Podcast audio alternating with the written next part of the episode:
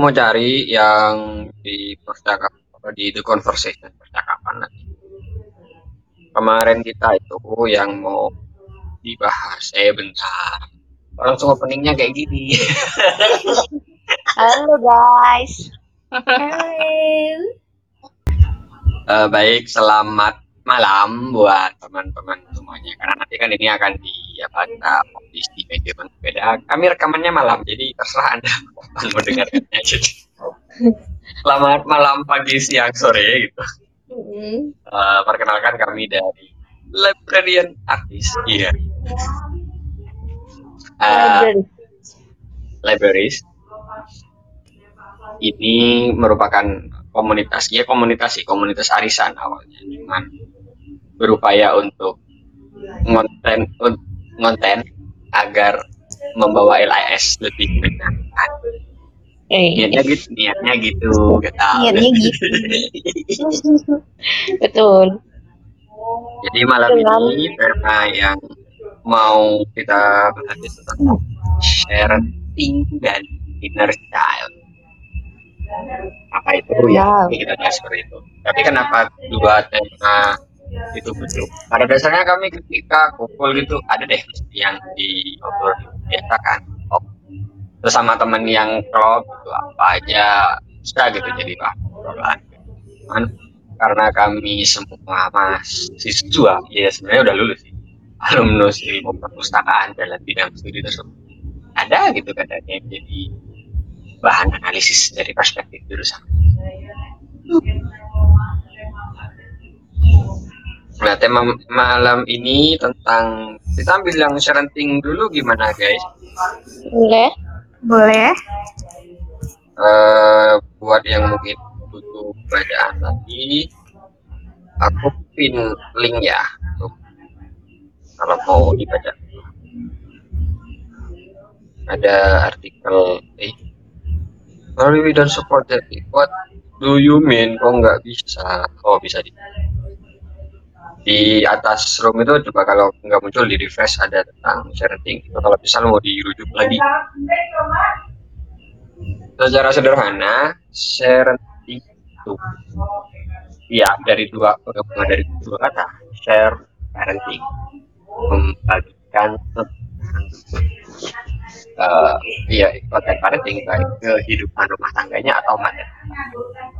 Bisa bisa jadi fenomen eh, istilah ini muncul ya tentu karena banyak manusia. Orang tua mayoritas perempuan muda gitu ya orang tua muda gitu, mayoritas perempuan melalui artikelnya membagikan keseharian mereka di media sosial misal tentang ngurus anak kegiatan aktivitas sehari-hari yang jadi rumah tangga gitu. kalau dulu mungkin mungkin ada gitu ketika eh, ngobrol sama teman. Di arisan dan segala macam. Tidak se ini ya tidak segampang ketika era media sosial apa apa yang bisa dibagikan itu lebih cepat. Dan karena semua orang sekarang sudah punya potensi atau apa kemampuan kesempatan yang sama kesempatan yang sama untuk membagikan itu ya. Jadi eh, hal-hal seperti ini jadi wajar lumrah jadi fenomena makanya ada istilah khusus parenting sama kayak eh, pubbing mungkin konsnabi ya apa kegiatan ketika orang cuma nunduk terus ngeliatin HP-nya gitu. nah parenting juga sama gitu karena sudah jadi fenomena ada istilah khusus. itu gambaran singkatnya sih sebenarnya. Eh, mungkin karena di sini sebenarnya ada yang udah menikah kita bisa anu ya kita saudari kita untuk bicara. Saudari kita sebutnya apa nih? Farah? Itu Iya, Farah aja. Farah aja. Farah aja. untuk cerita gitu. Karena kan gini eh, parenting itu mau nggak mau sebenarnya udah kayak, kayak jadi hal yang normal. Ketika udah Mm-mm. ibu orang tua muda ibu muda gitu, anak membagikan hal kesehariannya dengan anak itu jadi udah, udah normal eh udah biasa banget nah Mm. mungkin coba kita balik dari Mbak Faya Oke. Eh, bagaimana gini yang perlu diceritakan mungkin eh, apa bisa memotivasi gitu ya dan bagaimana view anda tentang kenapa sih ya aku membagikan itu itu ini aneh aja pandangan persoalannya Hmm. Iya. Eh, jadi parenting kan itu tadi ya eh, kayak mengacu pada namanya orang tua yang sering nge-share tentang anaknya gitu. Nah, terus eh, share apa aja itu pokoknya entah entah di kehidupan entah dia lagi ngapain atau lagi aktivitas apa atau entah perkembangan anaknya itu sedang apa terus apa yang prestasi apa yang lagi dicapai gitu itu di share tapi eh, lama kelamaan kalau misalnya terlalu sering ternyata juga kalau di, di artikel itu disebutkan ini ya ada terlalu narsisme gitu loh. Ya kan? Dibaca juga kan? Narsisme apa namanya? Orang tuanya itu terlalu share apa pun entah perkembangan entah prestasi dan sebagainya itu. Sebenarnya emang kalau wajar sih emang wajar sih. Semua orang tua kan kalau misalnya anaknya bisa apa atau anaknya lagi lagi perkembangannya lagi bisa ini bisa itu itu kan senang wajar ya. Terus kadang kalau aku pribadi kalau aku pribadi juga dari dalam hati juga seneng gitu. Terus ingin kadang tapi gini aku juga pengen kadang pengen share tapi kadang juga pengen tak tahan. Jadi emang nggak nggak semuanya gitu loh karena kalau ke terlalu terlalu apa namanya? Kalau terlalu sering eh, ya itu kayak nanti takutnya juga justru me, ini menyinggung anak ibu orang tua lain gitu. Yang semisal semisal nih anak kita ini udah bisa gini terus kita share. Nah ibu-ibu lain ini tahu tapi ibu apa anaknya ibu-ibu itu tuh belum belum sampai bisa gitu gitu. Kadang itu pasti ada dalam benak mereka eh, apa namanya? Oh anaknya ini bisa gini anakku anakku belum bisa anakku belum bisa ya piye iki gitu. Padahal setiap setiap anak pasti istimewa pasti punya kelebihan dan kekurangannya masing-masing gitu. Jadi kadang aku pun nge-share suka nge-share juga tapi aku pilah-pilah lebih seneng yang misalnya ya yang yang fun lah yang lucu gitu hal-hal yang lucu gitu. Terus dan emang nggak semua juga tak share gitu sih. Jadi gini ya teman-teman kalau misalkan eh, lagi nggak pengen ngomong aja di, di mute aja di bagian pojok kanan bawah tuh ya biar suaranya nggak noisy gitu. Kalau udah ngobrol kalau mau ngobrol lagi baru buka lagi gitu. gimana oke Mm. tadi punya si om anu ya tak tamir lah langsung tamir Mm. jadi ini om kalau mau ngobrol dia aja dia unmute aja Oke. oke eh, artikel yang kami maksud yang tadi Farah bilang terus aku beberapa kali mention di awal itu dari the conversation the conversation ini kalau aku kasih background apa background nih kasih konteks. Merupakan anu sebenarnya ar- apa ya penyederhanaan artikel penelitian. Gampangnya kayak gitu. Yang nulis kebanyakan peneliti dosen gitu. Iya. Jadi memang isi-isi tulisannya gampang dibaca orang awam eh, secara diksi secara pemilihan katanya gitu. Tapi ya berbobot dalam tanda kutip karena merujuk ke penelitian-penelitian terbaru biasanya jurnalis nah di artikel yang kita maksud tadi memang jadi titik tolak pembahasan kita tentang parenting ada beberapa aspeknya di situ. Farah sempat memention tentang eh ini ada beberapa yang ini ya yang perlu dibagi gitu kan. Terus eh ada hal-hal yang perlu diperhatikan ketika posting itu. Mungkin anu dulu pak ya apa kira-kira ada nggak? Kan anu nih berkaitan dengan concern juga ya.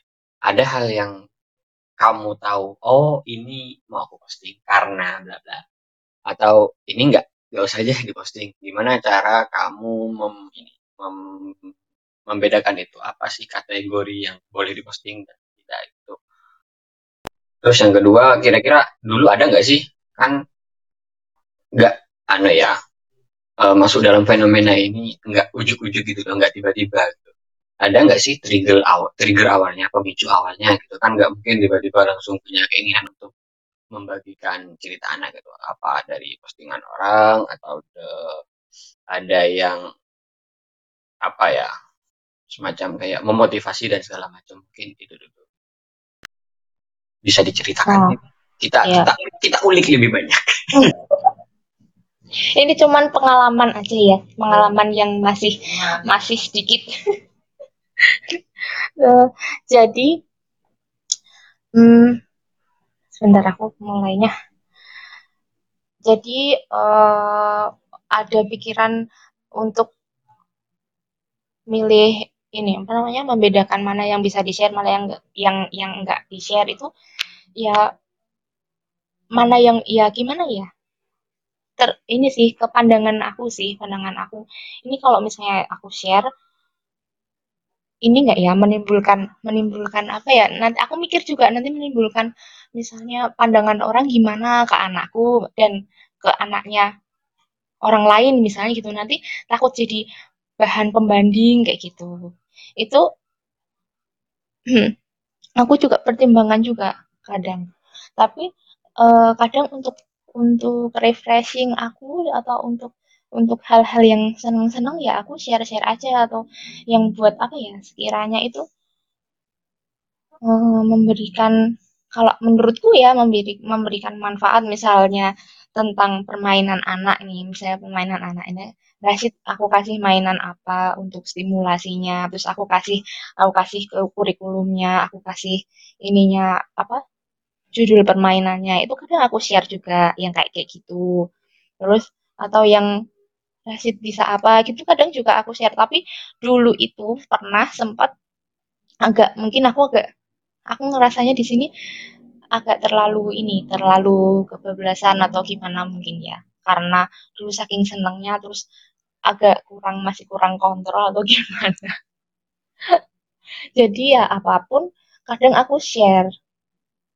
Terus um, tapi lama-lama aku ya jadi kepikiran sendiri karena kadang tuh orang ngelihat ngelihat video oh Rasid bisa gini oh Rasid gini oh anak Eka gini anaknya itu gini kan kasihan gitu oh dibanding-bandingan itu apa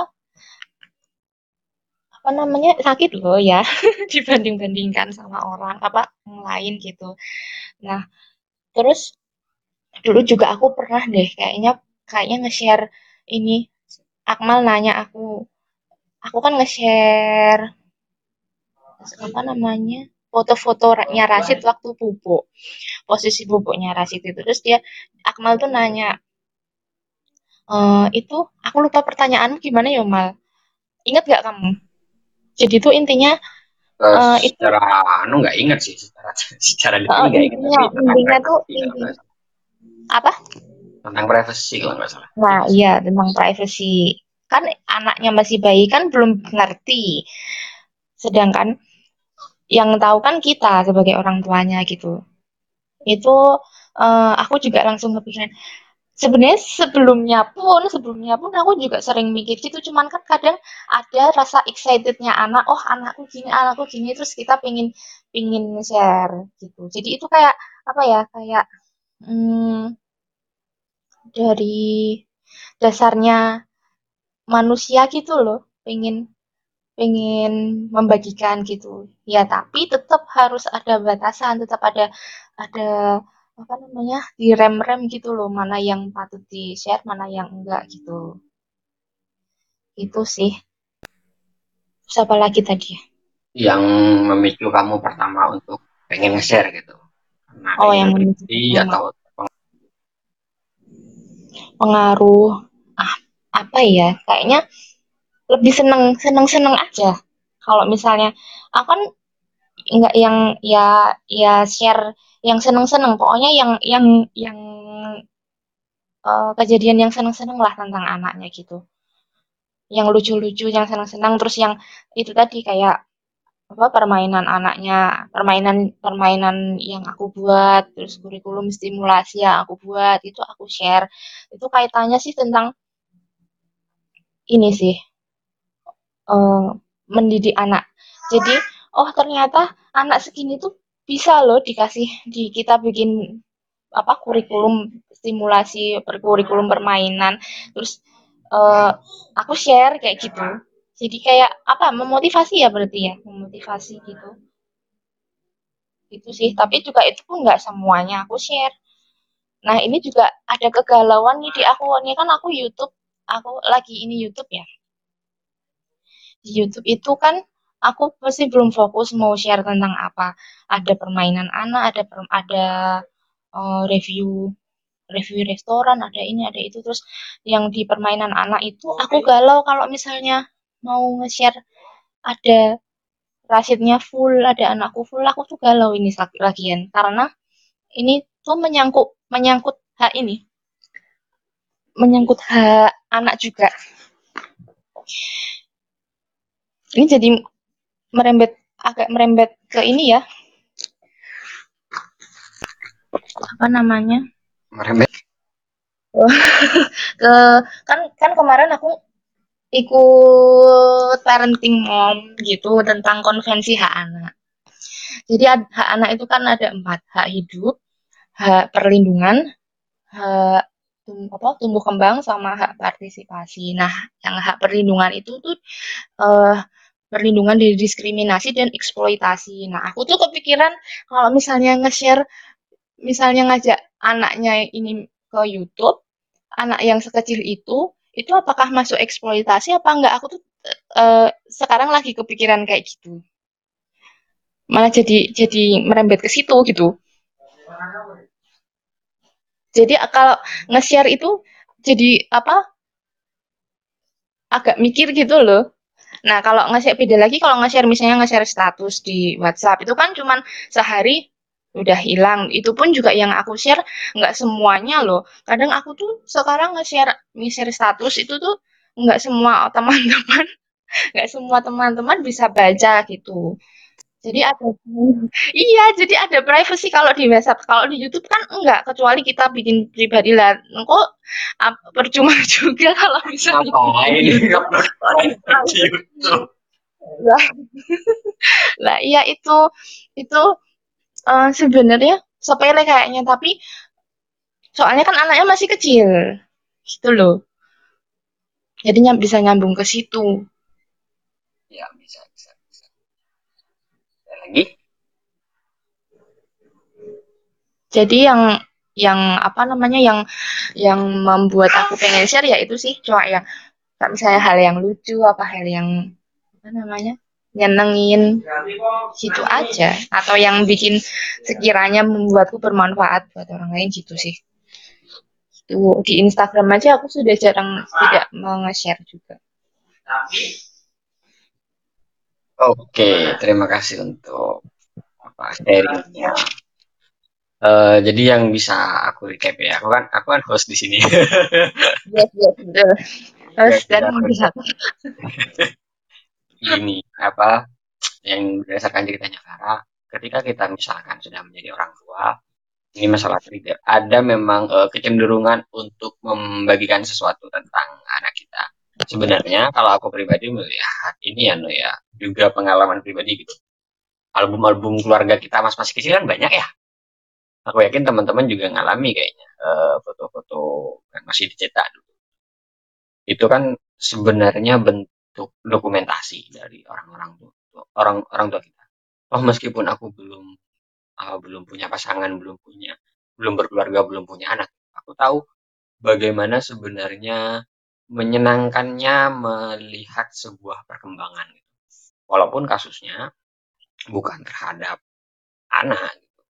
Mungkin lebih ke aku nggak ingat sih kalau saudara, tapi kalau ke adik tingkat itu aku kerasa banget gitu. Jadi eh, anak yang dulu masih seusia ini ya kak SD gitu terus naik tiba-tiba lama nggak ketemu udah SMP nggak lama nggak ketemu udah SMA terus sekarang udah kuliah betapa me, apa ya? Betapa terasa ajaibnya sebuah perkembangan dengan banyaknya waktu berlalu telah banyak jadi sebenarnya ketika kita mengamati sebuah perkembangan itu ada rasa emosional tersendiri gitu ya senang haru dan itu wajar menurutku ya.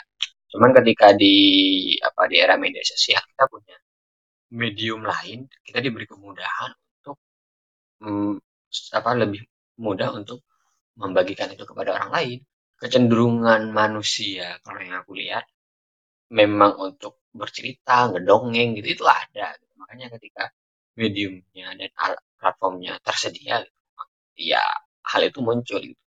kemudian kita sebut sebagai narsisisme digital kalau merujuk ke artikel yang tadi artikel di The Conversation tentang sharing.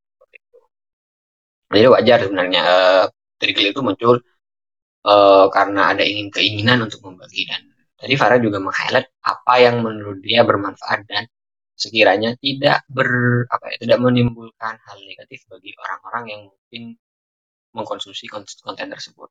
Jadi bagaimana pengalaman Farah ketika memilih untuk oh aku mau share yang ini oh aku, aku nggak mau share yang ini boundariesnya batas-batasnya adalah hal-hal yang dapat memberikan manfaat pada orang lain sifatnya edukatif seperti itu sekaligus ia juga konten tersebut juga tidak tidak menimbulkan uh, persepsi yang negatif dari orang itu yang kita jaga untuk apa ya uh, enggak ngerasa lah dalam bermedia sosial selain itu juga mungkin yang perlu diperhatikan adalah mengenai uh, concern privasi. Ada mungkin hal yang ini nggak boleh nih diumbar ke publik terlalu banyak. Gitu. Parenting sendiri sebenarnya kalau kita lihat kan ini perspektif dari ibu ya. Nah, kalau perspektif dari anak ya nyambung ke itu tadi. Artinya bagaimana kamu bercerita tadi e, membuka diskusi kita pada dua dimensi gitu loh, dimensi ibu dan dimensi anak itu sendiri. Hak-hak empat hak yang perlu dipenuhi tentang anak. Salah satunya apa ya tadi? Perlindungan gak sih? Perlindungan bukan Wai mm -hmm, perlindungan. Yang perlindungan itu tidak tereksploitasi gitu kan. Oh, eksploitasi itu, itu masuk akal sebenarnya karena ada beberapa justru gini kayak di ya, yang aku tahu sih di Amerika dan beberapa keluarga anak-anak dari ini founder-founder tech giant misal Facebook segala macam itu memang malah tidak memberikan akses lebih awal kepada anaknya untuk bermain di media sosial atau dekat-dekat dengan gadget teknologi. Satu. Yang kedua, ada memang beberapa keluarga, biasanya sih keluarga kerajaannya, yang tidak mengekspos kehidupan pribadinya. Itu karena privasi mereka. Jadi anak-anak mereka yang masih kecil itu memang tidak terlalu banyak dilihat oleh media. Ada, hmm. itu kan bisa di, bisa kita lihat sebagai hak Apakah di YouTube termasuk eksploitasi? Sebenarnya kalau itu diniatkan untuk dapat duit, iya, iya. sebenarnya iya. Nah, kan gini, kalau diniatkan seperti itu. sebentar, aku aku agak potong sebentar ya.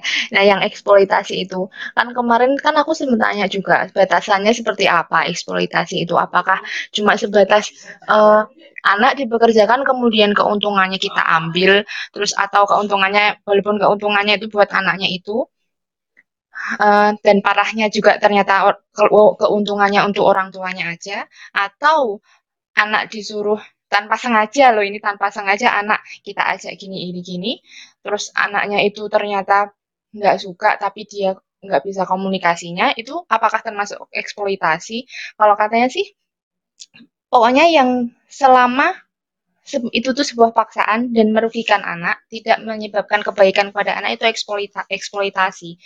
Nah, e, kalau misalnya nggak dipaksa satu, terus kedua komunikasi ke anak. Kalau memang anaknya itu mau nyaman dengan kegiatan yang dia lakukan kemudian di share dan di, udah diizinkan sama anaknya tersebut, it's okay nggak apa-apa, asal nggak berlebihan gitu.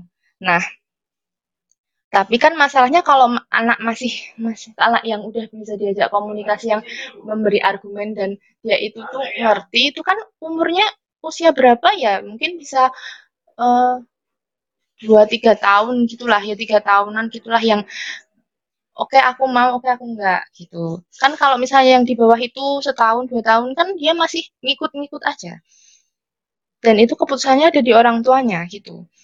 Terus uh, apa namanya akhirnya uh, batasannya itu pokoknya selama itu tidak memaksa dan itu tuh bermanfaat untuk anaknya terus apa namanya tidak terlalu di apa ya diambil keuntungannya untuk orang tuanya itu it's okay gitu. Tapi tapi kalau misalnya terlalu dipekerjakan lah istilahnya yaitu eksploitasi gitu.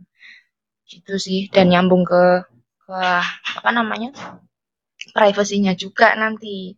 Gitu. Gimana? Pasti tambahannya, cuman mungkin kalau aku lihat ya. Eksploitasi sama komodifikasi itu beda loh. oh, Dan oh. meskipun artinya seorang anak mungkin tidak tereksploitasi tapi tetap terkomodifikasi. Artinya dia menjadi Nah, konsumsi publik gitu. Mm-mm. Itu itu tetap bisa terjadi. Ya Mm-mm. terganggu, mengganggu atau tidak itu kembali pada eh, resepsi anaknya gitu. Eh, maksudnya respon anaknya bisa saja enggak, bisa saja iya. Ya memang nanti anu sih kita kembali pada bagaimana orang tua gitu ya mengatur dan membatasi interaksi tersebut gitu. Jadi oke itu dari sudut pandang tentang parenting dari orang yang memang melakukan parenting. Mungkin kita perlu tambah sudut pandang juga dari yang tidak melakukan parenting. Mm-mm. pandangan yang belum belum Iya benar yang belum yang belum melakukan tentang parenting gitu. Mm-mm. Mungkin kok Hanifah ini ya hilang ya bilang ya. Ya nggak tahu juga.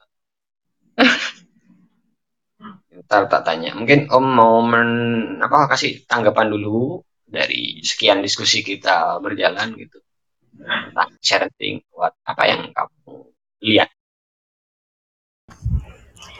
banyak banget yang udah di apa diutarakan gitu terus em, kalau aku sih dari pandangan awam ya karena memang belum karena memang belum melakukan parenting sendiri. Kayak ini kayak cuman ngelihat di sekeliling aja sih. Eh, orang-orang di sekitar lingkungan itu eh, em, ke- kemungkinan kebanyakan mereka tuh kayak yang eh, mau melakukan eh mau membagikan apa ap- eh, kegiatan apa pun yang anaknya lakukan. Tapi kok eh, ini loh kayak mereka selalu kayak gadget selalu ada di depan eh, anaknya kayak gitu loh. Kayak jadi miris sendiri gitu ngelihat. Oh, mm, ketika anak kecil ketika anak kecil gitu terus ternyata Hmm. eh, orang tuanya terus ke mana pun selalu pegang gadget. Anu pokoknya di apa? Mengarahkan terus ya. Arahkan terus ke anaknya kayak gitu yang kayak ya ampun. Itu sih kalau aku kalau dari apa lingkungan tuh kebanyakan kayak gitu yang kayak miris miris kayak gitu loh. Anda kira-kira merasa tidak begitu nyaman? Ya? iya.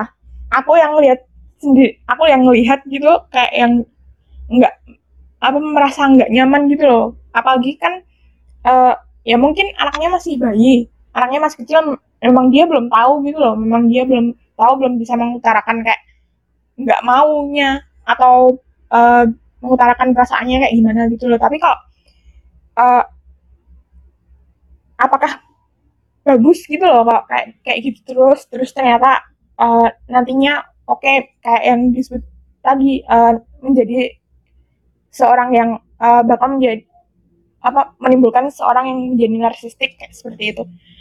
Kayak miris sendiri aja gitu.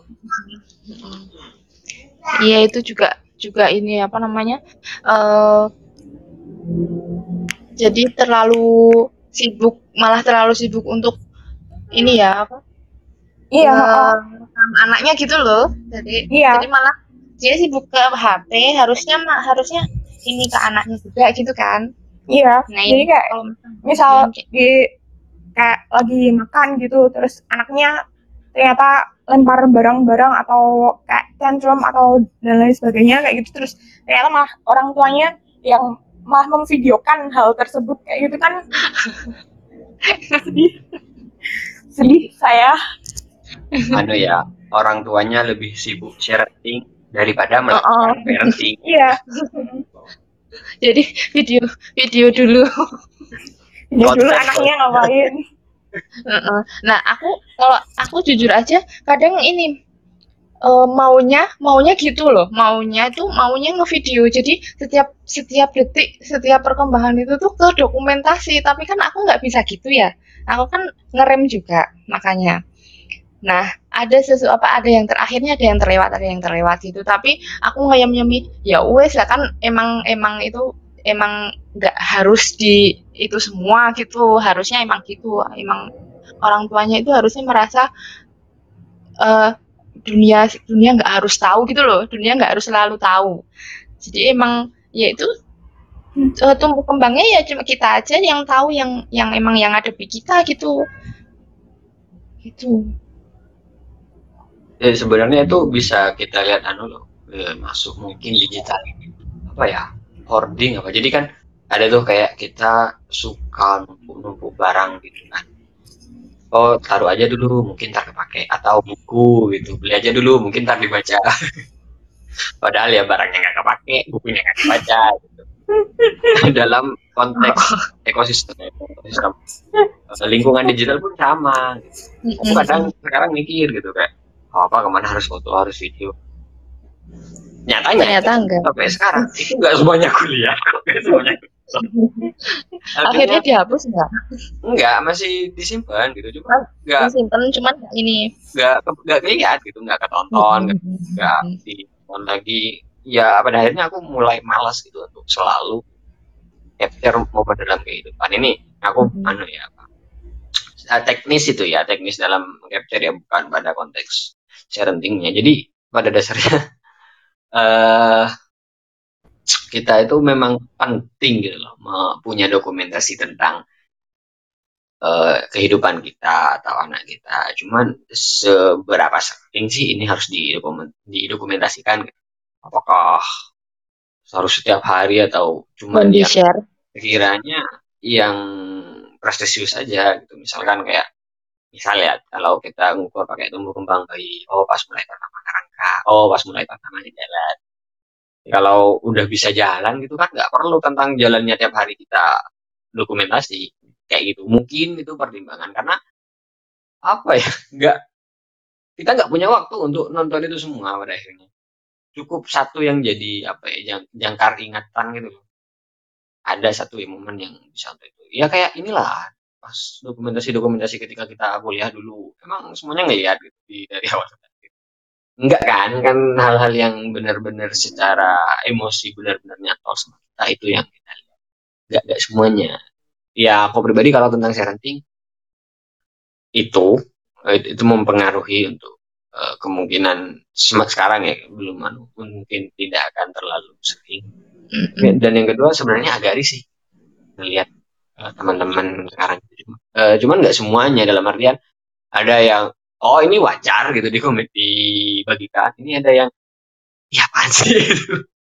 nggak gitu juga kali gitu. Nggak nggak tiap hari gitu juga kali gitu. Boleh gitu. nggak masalah. Tapi itu kembali pada view tiap keluarga ya tiap orang. Aku sih secara personal bisa memahami bahwa ini dipicu oleh rasa senang orang tua dan dipicu oleh eh, motif tertentu kayak keinginan untuk berbagi keinginan untuk mengedukasi. Cuman rasa risihnya masih ada. Kalau aku ya Mm-mm. nggak masalah sih ke- kembali ke tiap orang. Artinya saya tidak mau memberikan semacam eh, apa ya larangan batasan enggak cuma preference personal aja Iya, Apakah nanti-. Eh, apakah nanti akan ketika aku berkeluarga punya anak? Apakah melakukan hal yang sama? That's ya dia nggak tahu. View view apa? Eh perspektif orang kan pandangannya tentang sesuatu kan berubah setiap waktu. Mungkin nanti aku malah akan lebih alay nggak tahu. Bisa, bisa, bisa jadi kayaknya sih. aku, aku tidak ya oke sekarang tidak ingin mengarah ke sana tapi bukan berarti kemungkinan untuk itu tidak ada sama sekali gitu Kita nggak akan tahu. aku tidak tahu apa yang akan terjadi di masa depan begitu Mungkin nanti ah, fotonya anaknya Ajajar sama apa? K-pop. nggak gitu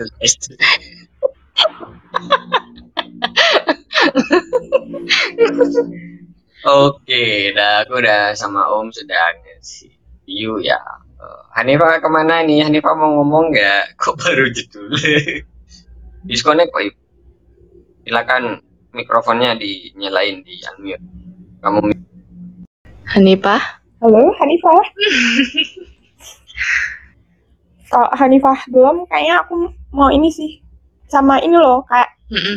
eh, personal data kayak gitu loh. Kayak kayak misal eh, bayi baru lahir kayak gitu. Terus kan nanti orang tuanya langsung upload foto eh, bayi mereka yang baru lahir terus terus dikasih namanya siapa ya kayak gitu. Itu kan kayak apa? over kalau menurutku ya kayak oversharing gitu kalau kalian menurut kalian termasuk oversharing gak sih? Da- datanya apa? Maksudnya nama? Iya Nama? kayak nama lengkap dan apa sih berat badan badan kayak kayak gitu loh Oh, termasuk oversharing atau ini soalnya kemarin eh, di Twitter tuh juga ada pembahasan kayak gini gitu juga Ya, sebenarnya nek, nek dilihat dari itu sih, iya sih, dilihat dari apa eh, konsepnya untuk upload datanya itu iya sih. Maksudnya eh nama, terus tanggal lahirnya, beratnya, yang itu kan yang data di rumah sakit itu kan. heeh. Nek menurutku sih iya. Ka- gini kalau kalau persepsi pribadiku ya eh, tadi kan om nanya anu ya apa menurut kalian masuk oversharing nggak ya? Heeh. Em, kalau aku pribadi kita lihat update apa yang dibagikan dulu. Kan personal data itu banyak macamnya. Misal kita kayak kita gitu kan share berat badan sama tinggi badan itu masuk aplikasi nggak? Masuk ya sama aja konteksnya itu anak atau diri kita sendiri. Kan beda yang membagikan doang kita karena sudah sudah tahu gitu ya. Kita sendiri yang membagikan berarti yang over sharing kita tapi kalau itu data tentang anak yang over, over yang dibagikan dan itu masuk aplikasi yang over sharing orang tuanya. Cuman kalau kita mau lihat konteks nama sama tanggal lahir em, karena itu terrekod sebenarnya yang aku khawatirkan. Masuk oversharing Iya. menurutku sih enggak menurutku sih enggak kalau oversharing sih enggak kenapa karena dulu Mhm. kalau misalkan kita lahir terus di ada selamatan akikah gitu kan kan Mhm. orang tahu kita namanya siapa lahir lahir lahirnya kapan Iya ya. Heeh. Sampai sekarang sih kalau itu ada undangannya gitu kan tapi kan Heeh.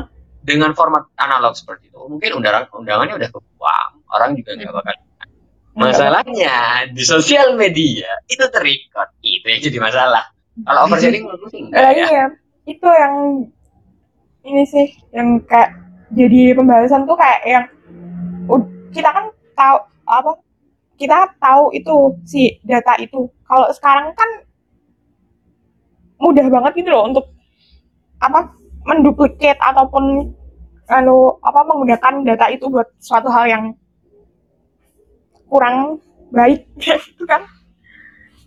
Oh, oh, oh iya, khawatirnya itu Heeh. datanya disalahgunakan gitu kan. Apalagi kalau misalnya yang di itu di yang kata Akmal kertas akikoh selamatan gitu kan ada nama tanggal lahir. Kadang kan ada foto anaknya juga. Hmm, iya, cuman kan kalau yang dulu itu orang mungkin nggak nyimpen kan dibuang kali. nggak dan nggak kepikiran memang. Ya sampai sekarang memang ya biasa aja kayak gitu. Nah aku pribadi sih jangan kalau foto jangan di inilah gitu tapi ya itu kembali ke ke orang masing ke pandangan atau pendapat orang masing-masing lagi sih Oke, Hanifah kayaknya masih makan. Tadi kan beli ya katanya. Hah? Tadi Hanifah beli makan apa keluar makan? nggak tahu itu tadi udah unmute kok sekarang mute lagi atau atau ini nanti Hanifah mulai yang di yang di inner child Tapi kira-kira ada nggak yang bisa kita luasin lagi dengan temanya? Sebenarnya aku ada sih kalau bridgingnya ke inner child. gitu. Karena kalau nggak ada lagi bisa pindah topik. Gitu. langsung aja pindah tapi sebenarnya itu bisa disambungin ke inner child yo. Bisa, Kalau coba misalnya Pak. Kalau misalnya itu loh, kalau misalnya kita yang aku bilang tadi kita share, terus habis itu orang tua lain itu jadi ngebanding-bandingin anak kita ke anaknya dia, kan itu kasihan membanding-bandingkan. Nah itu eh, kalau misalnya anaknya tahu dibanding-bandingkan kayak gitu, sakit kan rasanya gitu. Itu termasuk termasuk apa kejadian di waktu kecil yang yang sekiranya Nah, aku pribadi juga mengalami gitu. Tapi aku eh, eh, dibanding-bandingkan itu malah justru sama orang lain, bukan sama orang tua aku sendiri. Jadi orang lain itu yang membanding-bandingkan aku gitu loh dengan dengan saudara, dengan itu yang itu sangat ya sampai sekarang agak membekas gitulah intinya. Tuh. Itu pas kamu sudah bisa mengingat dong berarti. Atau pas kecil apa gimana gitu? Hmm? Yang apa? Yang dibanding-bandingkan sama orang.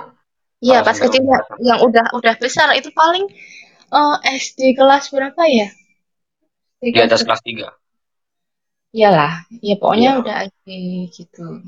Iya, maksudnya nek di bawah itu mungkin kemungkinan ingatnya itu tidak sebesar Mm-mm. Kalau di atas kelas Tapi kan, 3 tapi kan ada kemungkinan juga loh orang tua yang ya yang nge-share juga yang anaknya udah gede terus orang tua lain tuh anak itu ini loh juara loh kamu ya kayak gitu loh. Ya, adalah Itu juga ada. Lah itu makanya itu netizen itu sharing itu tetangga. itu sharing itu itu juga ini bikin eh, apa namanya nggak baiknya juga yang kayak gitu. Gimana kalau kali Sharon apa yang inner child ya kali ya? oh, oh iya inner Oh, child kita lang kita ke inner child child. inner child itu aku baca yang mana ya tadi yang RS bentar. RS ya karena kita anak LAS jadi rujukannya harus valid lah ya. valid Oh RS RS Permata. RS oh share share Eh, ini dokter yang nulis satu psiko, editornya itu psikolog Leni Utama MPSI dan ada dokter Naila Karima. Di artikelnya juga merujuk pada beberapa pendapat ahli gitu sih. Tapi kalau kita mau menyederhanakan apa sih inner child, just in case ada yang belum familiar dengan kata tersebut. Sebenarnya kadang ya, kadang eh, hal-hal yang secara teoritik itu di telinga kita baru itu percakapannya dulu udah ada gitu. cuman nggak nemu konsep si teo teoritiknya kadang-kadang mungkin energi termasuk yang seperti ini aku nggak nggak tahu juga kan bukan psikolog. Cuman kayaknya nggak baru-baru amat atau memang udah baru gitu. Apa udah lama gitu. Term inner child rujuk di menurut menurut menurut. Nggak ada sih nggak ada rujukan secara pastinya gitu. Cuman langsung isinya. Oh ada ding. Ada rujukannya baru semua yang disitasi itu 2008 2021 gitu. 2002 eh 2018 gitu. Jadi mungkin topik baru kali ya. Inner di dalam child itu anak-anak. Anak-anak di dalam. Aku agak agak agak ketawa sebenarnya pas baca itu. Ada baca aja sih. siapa itu? Inner child. Inner child atau yang dalam bahasa Indonesia berarti anak kecil yang berada di dalam adalah sosok anak-anak dari diri kita yang masih melekat pada diri kita meski setelah kita dewasa. Anak kecil dalam diri kita tidak lagi pergi, tetapi menetap di dalam diri, membentuk diri kita saat ini, dan sering kali menjadi dorongan alam bawah sadar yang kuat dalam menjalani kehidupan seperti membuat keputusan atau merespon masalah. Inner child terbentuk dari pengalaman masa kecil kita dan terbawa meski tak sadar ketika kita dewasa. Seseorang yang semasa kecilnya merasa sendirian takut, dan sedih karena tidak adanya dukungan, perhatian, ataupun kasih sayang dari orang tua, menghasilkan perasaan tertinggal dan rasa takut ketika dewasa. Sebaliknya, pengalaman masa kecil di mana kita merasa aman, didukung, dan dicintai dapat menghasilkan rasa aman ketika sudah dewasa. Tadi para lagi nih yang jadi contoh untuk cerita ceritanya saya. Kok aku? Loh, kamu loh tadi yang cerita bahwa ada netizen berkedok tetangga yang bagi-bagi. Aku yang memberikan nama netizen berkedok tetangga. Kvotasi kepada Dwi Hardiati yang sudah memberikan istilah tersebut. Saya suka sekali. Hanifah, Yeay. Halo. Halo Hanifah. ada nggak cerita? Ngapain ditodong? Kenapa, kenapa, kenapa? Hanifah, Hanifah mau cerita? Loh kok unmute lagi? Hanifah, Ya, gimana? Halo. Hai. Hai. Jujur. Tadi tadi kan Faradila sudah memulai. Coba dilanjutkan dulu. Itu belum selesai kan? Kamu ngikutin dari mana Hanifah? Baru aja kalian ngobrolin Inner Child Inner Child. yang ngobrol. Oh, nah, iya, iya. itu itu baru situ. boleh dilanjutkan. Apa ya? Aku cuma cerita cerita ini sih. Maksudnya kejadian waktu masih kecil aja yang yang ternyata sampai sekarang itu agak membekas terus seperti yang tadi diutarakan sama Akmal tadi itu oh, yang membuat atau mendorong mendorong kita untuk menyikapi masalah men- atau memutuskan sesuatu gitu kayak tadi misalnya aku di- dibanding-bandingkan kayak gitu aku jadi jadi ini nggak paham. Nanti kalau misalnya ketika anakku akhirnya dibanding-bandingkan misalnya ada orang yang ngebanding-bandingkan anakku dengan orang lain itu adalah peran juga apa ini peran peran orang tuanya yang ini yang apa namanya yang paling inti yang menguatkan gitu loh.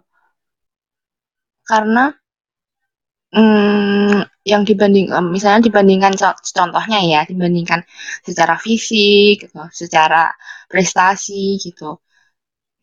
Yang masih kecil itu dia ini apa namanya ada backgroundnya suaranya. Aha. Eh, apa namanya?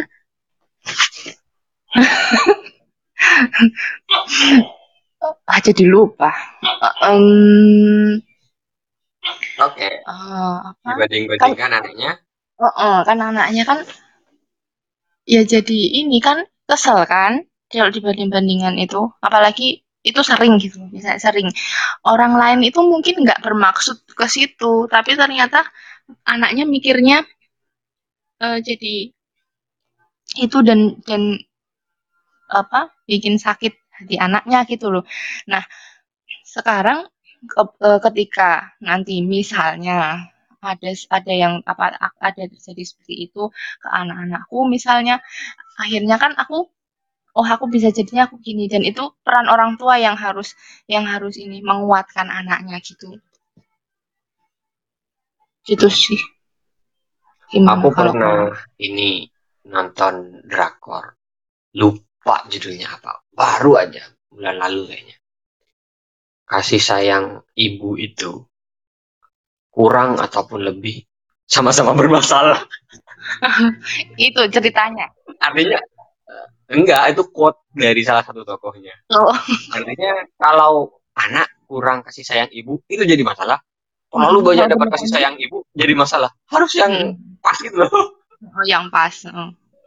Oke, Hmm. aku mau ini kon mau minta concern kamu. Tadi kan netizen berkedok tetangga membanding-bandingkan kamu bisa anu nggak keberatan nggak kalau cerita lebih detail sebenarnya kasusnya apa sih? Apa misal kayak oh anak saya sudah ini loh bisa berenang karena belum misalkan kayak gitu. A- Apa? Em, ini eh, fisik, soal fisik satu. Terus yang kedua apa sih dulu? Prestasi sih, tapi itu nggak terlalu ini, nggak terlalu aku nggak ngena banget. Yang fisik yang yang benar-benar aku masih inget dan kalau misalnya masih ingat terus kayak gitu. Um, jadi kan aku tuh dulu waktu kecil gendut gendut. Terus ada masanya aku itu main bahasa Jawa neng gelidik. Nah Apa itu itu? tuh ngelidik itu yo pe om ngelidik Lidik tuh kayak ke mana-mana terus kayak oh, mana siang pagi siang sore ke mana-mana. Akhirnya kelayapan yang bener. Kelayapan tapi kayak yang ke kebun kayak kayak gitu loh. Eh, itu ada masanya aku di situ dan mm, membuat kulitku menjadi kusam. Tapi tuh ini loh, apa namanya? Yang soalnya yang ngatain kayak kejem banget gitu loh kan. Nah, mm, apa namanya? Jadi aku gendut, terus ada masanya aku gendut hitam. Terus dikatain aku ini, nah aku nyebut ke merek lagi. Dikatain mirip ini, mirip tuh tak sebutin aja ya. Mirip anu eh, pemeran gitu loh. Mirip pemeran gitulah Oh iya, iya. di Sidul. Oh ya, aku tahu. Ya, ya, ya, ya. Udah, oke, oke. Ya. Mm-mm. Itu Pokoknya awalnya deskripsinya gendut, penampilannya tidak begitu menarik, gitu. Udah, keluar gitu loh. Mm-mm. itu aku awalnya biasa aja tapi tapi lama-lama ini lama-lama kok jadi merembet dibandingin ke sama sama orang-orang terdekat gitu. Jadi aku kesannya jelek banget terus kok dibanding kayak kok kok kok ngene mending kok ngene kayak gitu. Terus aku mungkin pas SD. Nah, pas SD lagi kelas berapa ya itu aku pas SD itu juga sering sering kegiatan lapangan kayak marching band kayak gitu kan otomatis kena panas lagi. Karena aku juga dari dulu sama penampilan juga nggak terlalu ini ya sama dan masih kecil juga. Jadi aku masih cuek. Terus sampai kelas 5 6 itu kan itu udah gede loh ya kelas 5 6 oh enggak sih? Bisa. Ya, kelas gede mas maksudnya udah udah yang ngerti gitu loh. Nah, Ya. Heeh. Heeh. Nah, itu ada orang ada temanku yang ada satu temanku yang kayaknya tuh kayaknya itu eh ih gitu loh. ih gitu loh sama aku. Teman-temanku yang lain tuh enggak. Padahal padahal sebenarnya yo aku nek dilihat ya maksudnya enggak yang terus hitam glukil banget tuh enggak. Cuman tuh dia nggak tahu kenapa orang itu sama aku ih gitu loh. Aku dikirone aku kayak arep nyedaki apa piye terus deh jijik. deketin dalam tanda kutip loh ya maksudnya apa ngegebet gitu loh tapi itu zaman SD loh kelas 5 6 kayak gitu itu ada terus eh, waktu SMP itu aku sudah agak mulai mm, ini. Soalnya kulit kulitku itu ya kan emang sawo mateng. Emang nggak putih gitu loh dan aku menyadari itu. Cuman apakah harus sehina itu kah? Ngono. dengan kulit yang seperti itu. Nah, terus mm, waktu SMP aku ya udah mulai misalnya pakai sabun cuci muka kayak gitu-gitu. Tapi ada ada ini lagi, ada muncul lagi misalnya aku dikatain kamu tuh hitam gini. Itu lagi. Ada lagi masih ada waktu SMP itu masih ada. Apalagi aku tonti ya. Wis ngono lah ya kehidupanku di lapangan. Anak lapangan. di lapangan ya berke- berkesenian juga tapi lebih sering dulu tuh di lapangan terus SMA juga aku pas kibra ya wis dan tapi aku itu ngimbangi dengan eh, bisa dikatakan yo prestasi aku waktu sekolah lumayan lah. Bukannya aku narsis ya tapi eh, aku di situ ngerasa aku aku sadar aku tidak cantik. Jadi aku me, me- me- ini mengunggulkan diriku dengan yang ini apa namanya bidang akademik gitulah walaupun ya nggak pinter-pinter banget sih tapi eh, waktu SD gitu ya juara kelas tuh udah misalnya lima besar, 10 besar, tiga besar itu pasti. Terus yang mana SMP, SMA kayak gitu. Terus sekarang uh, pengennya ya kuliah kuliah sampai sekolah sampai tinggi kayak gitu. Gitu. Aku membalasnya dengan seperti itu akhirnya. Oke, membalas dengan prestasi. yang walaupun ya sebenarnya nggak muda. banget. Apa? Mama muda Magister of Master of uh, ya iya itu aja sih. Jadi secara sederhana kita ulang recap lagi bahwa inner child merupakan sosok anak-anak yang tinggal dalam diri kita. Artinya dari an karakter anak-anak itu saat anak-anak melekat di diri kita di dewasa. Dan sering kali itu memberikan pengaruh gitu ya secara tidak sadar terhadap diri kita di masa sekarang, di masa dewasanya. Tadi saudari Faradila sudah jelasin dengan apa ya, dengan persetujuannya tentang ini pengalaman masa kecilnya yang suka kelayapan dan terus di karena kesukaannya untuk berpetualang tersebut di iya berpetualang pada masanya pada masanya di, di kata-kata ini dalam tanda kutip oleh netizen berkedok tetangga. Anaknya beginilah beginilah beginilah beginilah. Nah itu kan kenangan masa kecil ya. Uh, terus pengaruhnya ke dewasa saat ini gimana? Apakah ternyata itu membentuk pribadi kamu yang tetap suka berpetualang, suka ini kegiatan outdoor, atau ternyata kamu tumbuh preferensi untuk tidak men menjadi agak peduli, menjadi peduli terhadap penampilan atau merasa insecure atas penampilan atau ternyata kamu punya bias-bias tertentu terhadap penampilan orang lain. Kira-kira yang kamu sadari apa pengaruhnya sampai hari? Kalau soal penampilan aku masih ya biasa sewajarnya tapi kalau merawat diri iya uh, biar uh, cinta dengan diri sendiri lah maksudnya untuk untuk apa namanya uh, ya merawat diri itu. Cuman kalau merubah merubah kan tadi kan permasalahannya kan uh, tentang fisik tadi ya merubah fisik tuh enggak lah enggak enggak sampai yang kayak gitu. Tapi cuman lebih merawat diri kayak gitu. Terus sama menyikapinya, menyikapi menyikapi uh, ketika mungkin anaknya yang digituin gitu loh. Mungkin uh, ya nggak tahu semoga semoga nggak ada, semoga nggak ada kejadian itu. Cuman cuman uh, gimana aku sebagai peran orang tua untuk memberi untuk untuk ada ada untuk anakku gitu loh ketika ketika kena bullying atau apa kayak gitu. gitu Oke, okay, jadi uh, malah timbul ini ya, bukan kekhawatiran sih, rasa hati-hati agak gimana caranya uh, bullying atau kata-kata apa memori tidak menyang, menyenangkan ketika kita kecil nggak terjadi ke anak kita nggak berulang. Mungkin Oke, okay. mungkin itu yang bisa kita tangkap dari cerita Faradila. Aku mau kasih uh, pakai template ya mungkin lah ya aku mau cerita juga tentang uh, inner chat aku tadi juga sempat mengevaluasi diri itu kayak lihat lebih ke dalam gitu mengenai uh, setelah tahu oh chat tuh kayak gini. Konteksnya dalam kasusku gimana sih gitu. Nah mungkin nanti teman-teman bisa kalau tidak keberatan menceritakan juga dengan pola yang sama lah. Aku kasih anu lah coba kasih anu ya pak. Guide-nya lah mungkin yang perlu diceritakan poin-poinnya bagaimana.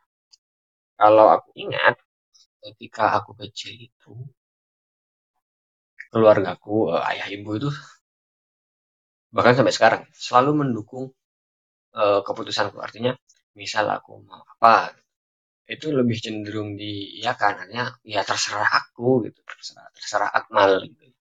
Karena keputus keputusan yang akan aku ambil, aku sendiri yang akan menjalani aku tumbuh dalam lingkungan yang alhamdulillah gitu ya suportif gitulah bisa dibilang seperti itu ketika aku mau A memilih memilih A memilih B itu orang tua aku cenderung mendukung tapi ngasih ini semacam uh, apa gambaran konsekuensinya. Misalkan kalau aku memilih untuk A nanti yang kemungkinan akan dihadapi adalah konsekuensinya satu dua tiga. Kalau aku memilih B konsekuensinya adalah satu dua tiga. Apakah kemudian uh, aku pribadi saat sekarang itu punya ini kecenderungan untuk berani untuk ambil keputusan maksudnya berani dalam artian aku pede loh ngambil pilihan ini uh, dengan uh, dengan pertimbanganku sendiri. Aku, aku punya kecenderungan tidak tidak semua pengambilan keputusan ya tapi relatif sering dan cukup, cukup dominan lah. Mungkin kalau aku pribadi persentasekan skala 1 sampai 100 80 persen uh, ke keberanian terus percaya diri tentang untuk mengambil sesuatu ya bisa dibilang karena support system dari kecil seperti itu. Punya keberanian untuk mengambil keputusan tertentu. Karena aku tahu bakal dapat konsekuensi ini dan aku siap untuk terima konsekuensi itu. Itu yang pertama. Oh, mungkin sifatnya cukup uh, positif lah ya. Tentunya lebih positif. Yang kedua mungkin yang agak hmm, ya negatif atau menyedihkan gitu lah.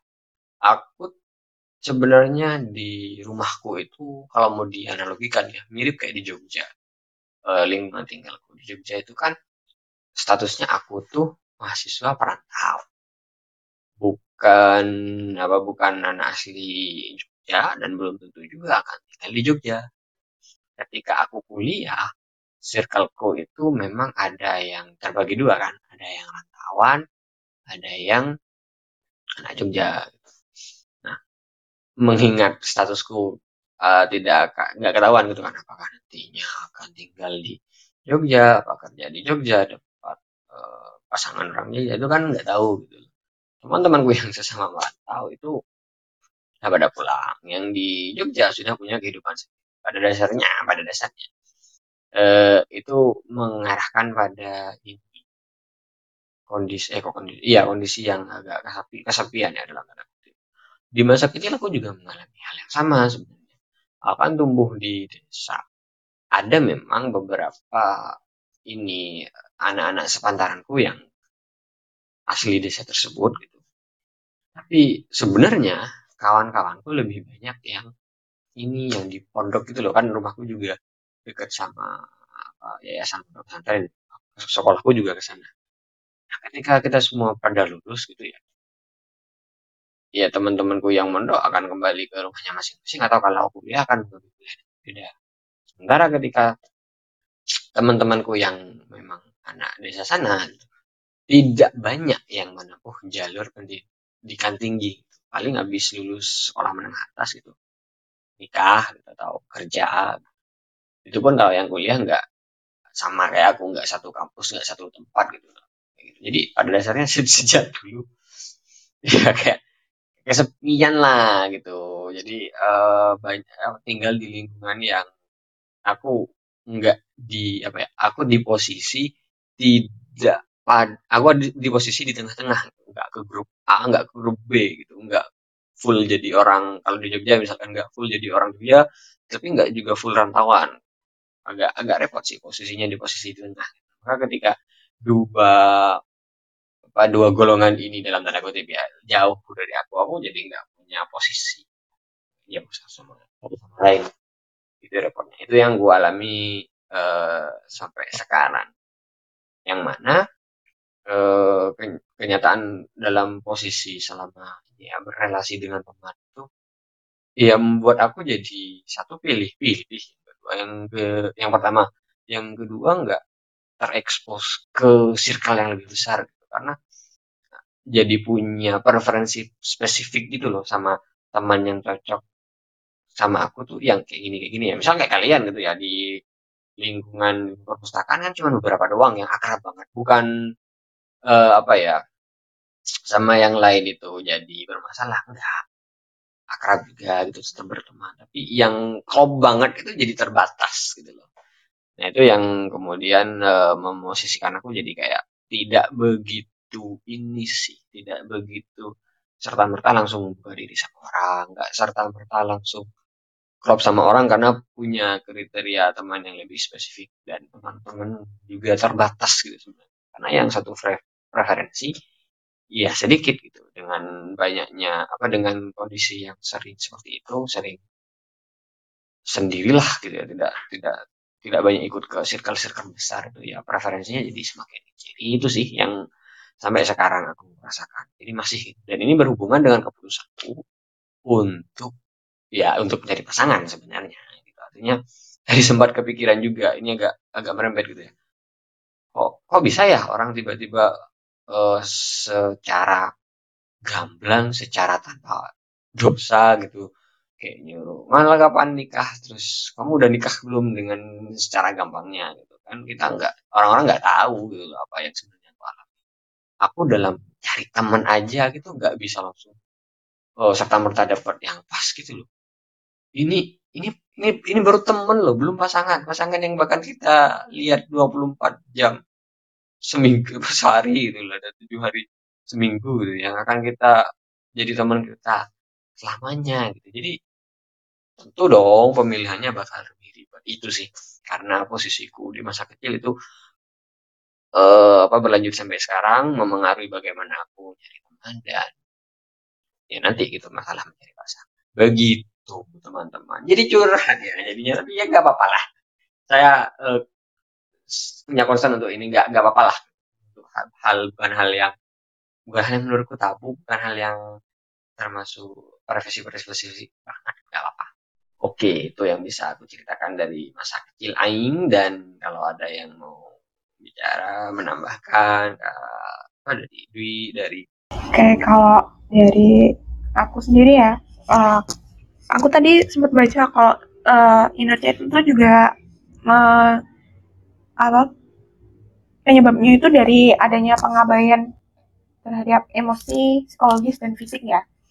Uh, kalau dari aku sendiri sih, kalau dari pengalaman aku sendiri itu ini adanya pengabaian secara emosional. Jadinya ketika uh, masih kecil kan mm, uh, ini ketika uh, in, ingin menceritakan curhat suatu hal yang ingin didengarkan uh, diberitahukan pada orang tua kayak gitu terus ternyata um, mereka tidak memberikan atensi terhadap apa yang ini aku ingin ceritakan kayak gitu kan. Jadinya kan kayak turn off sendiri gitu. Terus akhirnya uh, jadi uh, itu berlangsung lama.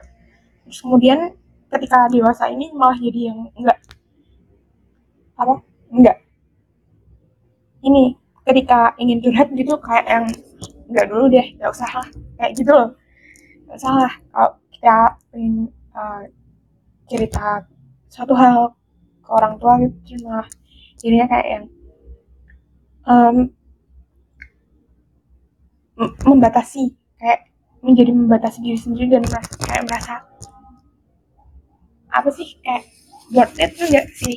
Uh, ceritaku tuh buat di, apa di nganu dari sudut pandang orang tua aku tuh itu suatu hal yang penting nggak sih kayak gitu loh. Nah jadinya yang kayak gitu sih kalau ke aku. Sama ini jadi um, aku ada kayak ini susah kontrol emosi. Susah kontrol emosi. Jadi kayak jadi orangnya emosional. Tiba-tiba gampang nangis tiba-tiba nanti kalau ada apa yang nggak dienak marah-marah. Kayak gitu loh. Jadinya kayak malah yang kayak gitu sih. Kalau pribadi aku di uh, dengan adanya inner child uh, inner child yang ada di diri aku tuh uh, efeknya tuh jadi kayak gini, gini gitu loh. Ketika udah dewasa tuh rasanya mah kayak gitu sih. Halo ya, baik. Terima kasih untuk ceritanya. Kita kita paham. Next. Ip next Oke. Jadi kalau aku ya teman-teman, sebenarnya aku dari kemarin udah gini, uh, apa sih di dalam diri aku tuh yang terluka kayak inner child aku tuh apa sebenarnya yang menyebabkan kayak aku yang sekarang kayak gini. Terus aku pasti nanya sama kakakku karena aku emang nggak tahu beneran masih sampai sekarang juga pas kalian ngobrol kalian ceritain apa sih masa, masa kecil kalian yang buat kalian seperti sekarang aku masih apa ya apa sih inner child aku yang terluka tuh? Pas apa pas momen apa dan kenapa aku masih kayak masih nganalisa gitu. Sampai barusan sampai sekarang masih apa ya aku juga masih bingung sendiri. Kayak aku masih belum tahu apa yang nyebabin aku kayak gini. Dan eh, kata kakakku juga kemarin aku nanya kak kenapa sih itu eh ya karena emang itu juga banyak sih yang nggak tahu apa penyebab inner child kamu terluka dan gimana caranya buat damai sama inner childmu sendiri itu emang butuh proses. Dan sedangkan aku sendiri nggak tahu apa sih inner child aku tuh apa yang terluka tuh gimana. Ya jadi aku nggak bisa cerita banyak ke teman-teman semuanya gitu. Tapi kalau kamu melihat sebenarnya eh, hal-hal kayak inner child itu poten menurut kamu ya potensi terjadinya pada tiap orang itu besar nggak? Kira-kira itu punya pengaruh besar nggak bagi orang? Dari eh, ini ya eh, diskusi kita yang sudah berjalan sama artikel yang itu yang aku share. itu. Oke, jadi aku juga ini buka artikel teka- tentang inner child di websitenya hellosehat.com. Apa sih tanda bahwa inner child di diri kamu tuh terluka? Jadi kayak adalah banyak-banyak penyebabnya ada merasa ada yang salah sama diri kamu, selalu berusaha menyenangkan orang, susah move terus sering kali ada cemas, rasa bersalah yang lebih ke orang lain, terus perfeksionis, mengkritik diri sendiri dan lain-lain. Ya, itu ngatasinya oke sih. Jadi ini, kalian mungkin bisa menyayangi sisi anak-anak di dalam diri teman-teman. Misalnya tadi Faradila, Faradila berdamai bisa sih. Eh, aku berdamai sama masa kecil aku yang dulu dibully gitu. Si Om, oke lah yang kayak gitu. Iya, Akmal tadi apa ya malah aku jadi lupa yang kamu Itu loh masalah eh, merasa kesepian karena temennya nggak banyak. Ah, oke. Oh ya ya ya. Bisa kamu bisa damai sama diri kamu yang merasa kesepian dengan sekarang bisa oh jadi ngatasinnya tuh kayak gini nih. Bisa nyari teman kamu sekarang temennya banyak kan? Aku mau temennya banyak. Di mana-mana pasti ada kenal. Iya itu bisa dari Nggak tahu. Nah, itu mungkin jadi bisa ah, aku aku kemarin sempat buka YouTube sih. YouTube-nya Mbak. Mbaknya tuh psikolog. Mbaknya bikin ini gimana cara kalian sama damai sama inner child kalian. Ada sih caranya, tapi aku belum sampai ke cara kayak itu. Aku udah skip dulu, belum lanjut sampai sekarang. Jadi kayak apa, pejamin mata, relax dan lain-lain. Terus pikirin masa-masa kalian tuh kayak gimana, masa-masa terluka kalian tuh gimana. Terus habis itu damai gitu. Tapi terus aku sempat ya tanya sama kakak kemarin kan yang anak psikologi ah, yang tetap perlu dampingan juga sih, nggak kayak kita diagnosis sendiri juga. Itu. Oke, eh, mungkin anu ya kita recap untuk kita mungkin kita sudahi kayaknya udah hampir mungkin sudah satu jam ya ngobrolnya. Udah lebih Oh gitu, oke. Satu jam lebih. satu setengah kayaknya ya. Apa? Mm-mm. Pas Iya, pas satu setengah nanti jam sembilan. Oh, sekitar segitulah. Eh, yang bisa aku recap sih mungkin gini. Ah, mungkin teman-teman pernah dengar kat, anu quote-nya Steve Jobs. Ini ya aku salah satu yang aku suka. Eh, masalah connecting the dot. Jadi hal yang kayak kita sekarang membentuk diri kita itu sebenarnya merupakan titik-titik-titik kecil dari dulu. Jadi dari dulu sambung sampai akhirnya kita se- sekarang. Itu sebenarnya pros- dalam proses kreatif ya, kayak skill gitu ya. Mau belajar ini, belajar ini, belajar ini nanti lead kamu di ke dirimu hari ini kamu jadi apa. Cum- Cuman kalau kita tarik ke konteks psikologi populer gitu, kayak inner inner child. Eh, mungkin aku bilang populer karena dulu kayaknya aku nggak familiar dengan istilah ini. Eh, apa setiap orang kemungkinan memang ada inner child-nya gitu. Cuman mungkin nggak setiap orang bisa meng, apa menganalis, melihat dalam dirinya apa sih sebenarnya child-ku dan apa yang kemudian itu berpengaruh terhadap hidupku yang hari ini. Mungkin nggak semua orang bisa. Dan kita yang kita dapat dari diskusi malam ini adalah apa eh, cukup besar gitu. Ada potensi ada apa drive itu pengaruh yang cukup besar kepada masa kita sehari ini. Hal yang kita alami ketika kecil, apa yang kita baca dari, kecil, pengalaman-pengalaman ketika, ketika, ketika kecil itu sebagian besar membekas dan membentuk kita hari ini. Ada pengalaman-pengalaman yang dalam, kemudian itu bisa merubah diri kita. Ada yang benar-benar apa ya sifatnya momentum, ada yang mungkin seperti. Jadi bagi teman-teman, setidaknya kita bisa meng, uh, bagi pendengar gitu ya, kita bisa mengadvokasi bahwa mungkin ada masa-masa di mana kamu perlu cari inner childmu apa apa sih yang kira-kira dulu kamu alami terus kira-kira berdampak ke hari ini. Karena dengan memahami masa lalumu kamu jadi punya ini punya uh, posisi yang lebih pas untuk masa depanmu nanti gitu. Kira-kira kalau misalkan itu bermasalah nah, iya mungkin anu butuh pendampingan dari psikolog artinya ada proses untuk memberikan solusi atas itu. Kalau misalkan itu melit mengarahkan kamu untuk menjadi pribadi yang lebih baik mungkin bisa ditinggalkan seperti itu sih mengenai inner child. Selanjutnya yang bisa kita rangkum dari sharing adalah seperti namanya sharing merupakan uh, budaya membagikan uh, hal tentang ini mengasuh anak parenting gitu ya share parenting. Mulai dari keseharian tumbuh kembang dan bahkan tentang konten parenting itu sendiri. Apa yang perlu kita waspadai ketika parenting adalah kontennya gitu. di mana kita harus tahu ada yang boleh dibagikan dan dikonsumsi publik ada yang tidak. Misalkan kita memperhatikan mengenai privacy, mengenai konten edukasi, dan melihat apakah kira-kira konten yang kita bagikan tentang parenting itu dapat memberikan efek yang tidak baik bagi orang lain. Mungkin itu yang bisa dipertimbangkan.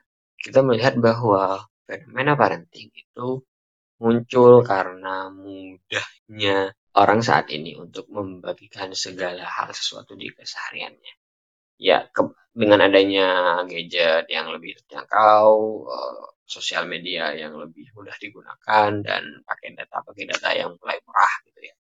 Orang cepat untuk membagikan hal-hal kesehariannya tentang keluarganya, tentang anak-anaknya. Banyak yang bisa dibagikan. Yang di Bali itu semua hal dasarnya adalah keinginan manusia untuk bercerita. Berbagi itu kan sebenarnya untuk menceritakan. Karena nggak semua-semua itu memang bisa di simpan di diri kita doang ada waktu konteks tertentu ketika hal yang nggak cukup di diri kita perlu dibagikan. Cuman ya dengan batasan-batasan tadi ada yang bisa dibagikan ada yang perlu dilihat ulang bisa nggak? Seperti itu. Oke mungkin itu yang bisa aku recap dari diskusi malam ini. Kalau teman-teman mau kasih tambahan sebelum kita tutup silakan. Cukup sih kalau aku Backsone mencuri perhatian. Oke, kalau misalkan nggak ada yang mau ditambahkan, aku ucapkan terima kasih kepada teman-teman yang sudah hadir berdiskusi malam hari ini. Semoga nggak cuman sekarang ya bisa sustainable gitu. Ada keberlanjutan di topik-topik berikutnya kita bahas lagi dan terima kasih kepada nanti orang yang akan mendengarkan. Kasih loh ya kalau kalian mendengar diskusi kita ini dan semoga saja ada apa yang bisa dipetik gitu dari diskusi kita malam ini. Oke okay, guys, kita closing ya. Uh, saya kalian anu aku setelah panggil nama aku kalian pang anu uh, munculkan nama kalian sendiri gitu nyaut dengan nama menyahut dengan nama kalian sendiri oke okay. oke okay, uh, saya Akbar Paradis saya Dwi Hadianti saya Farah Gila Ayu. Saya Hanifah Nuranisa. Dan seluruh kerabat kerja yang bertugas undur diri. Selamat malam, salam literasi. Salam. Bye. Ya, thank you guys. Stay safe.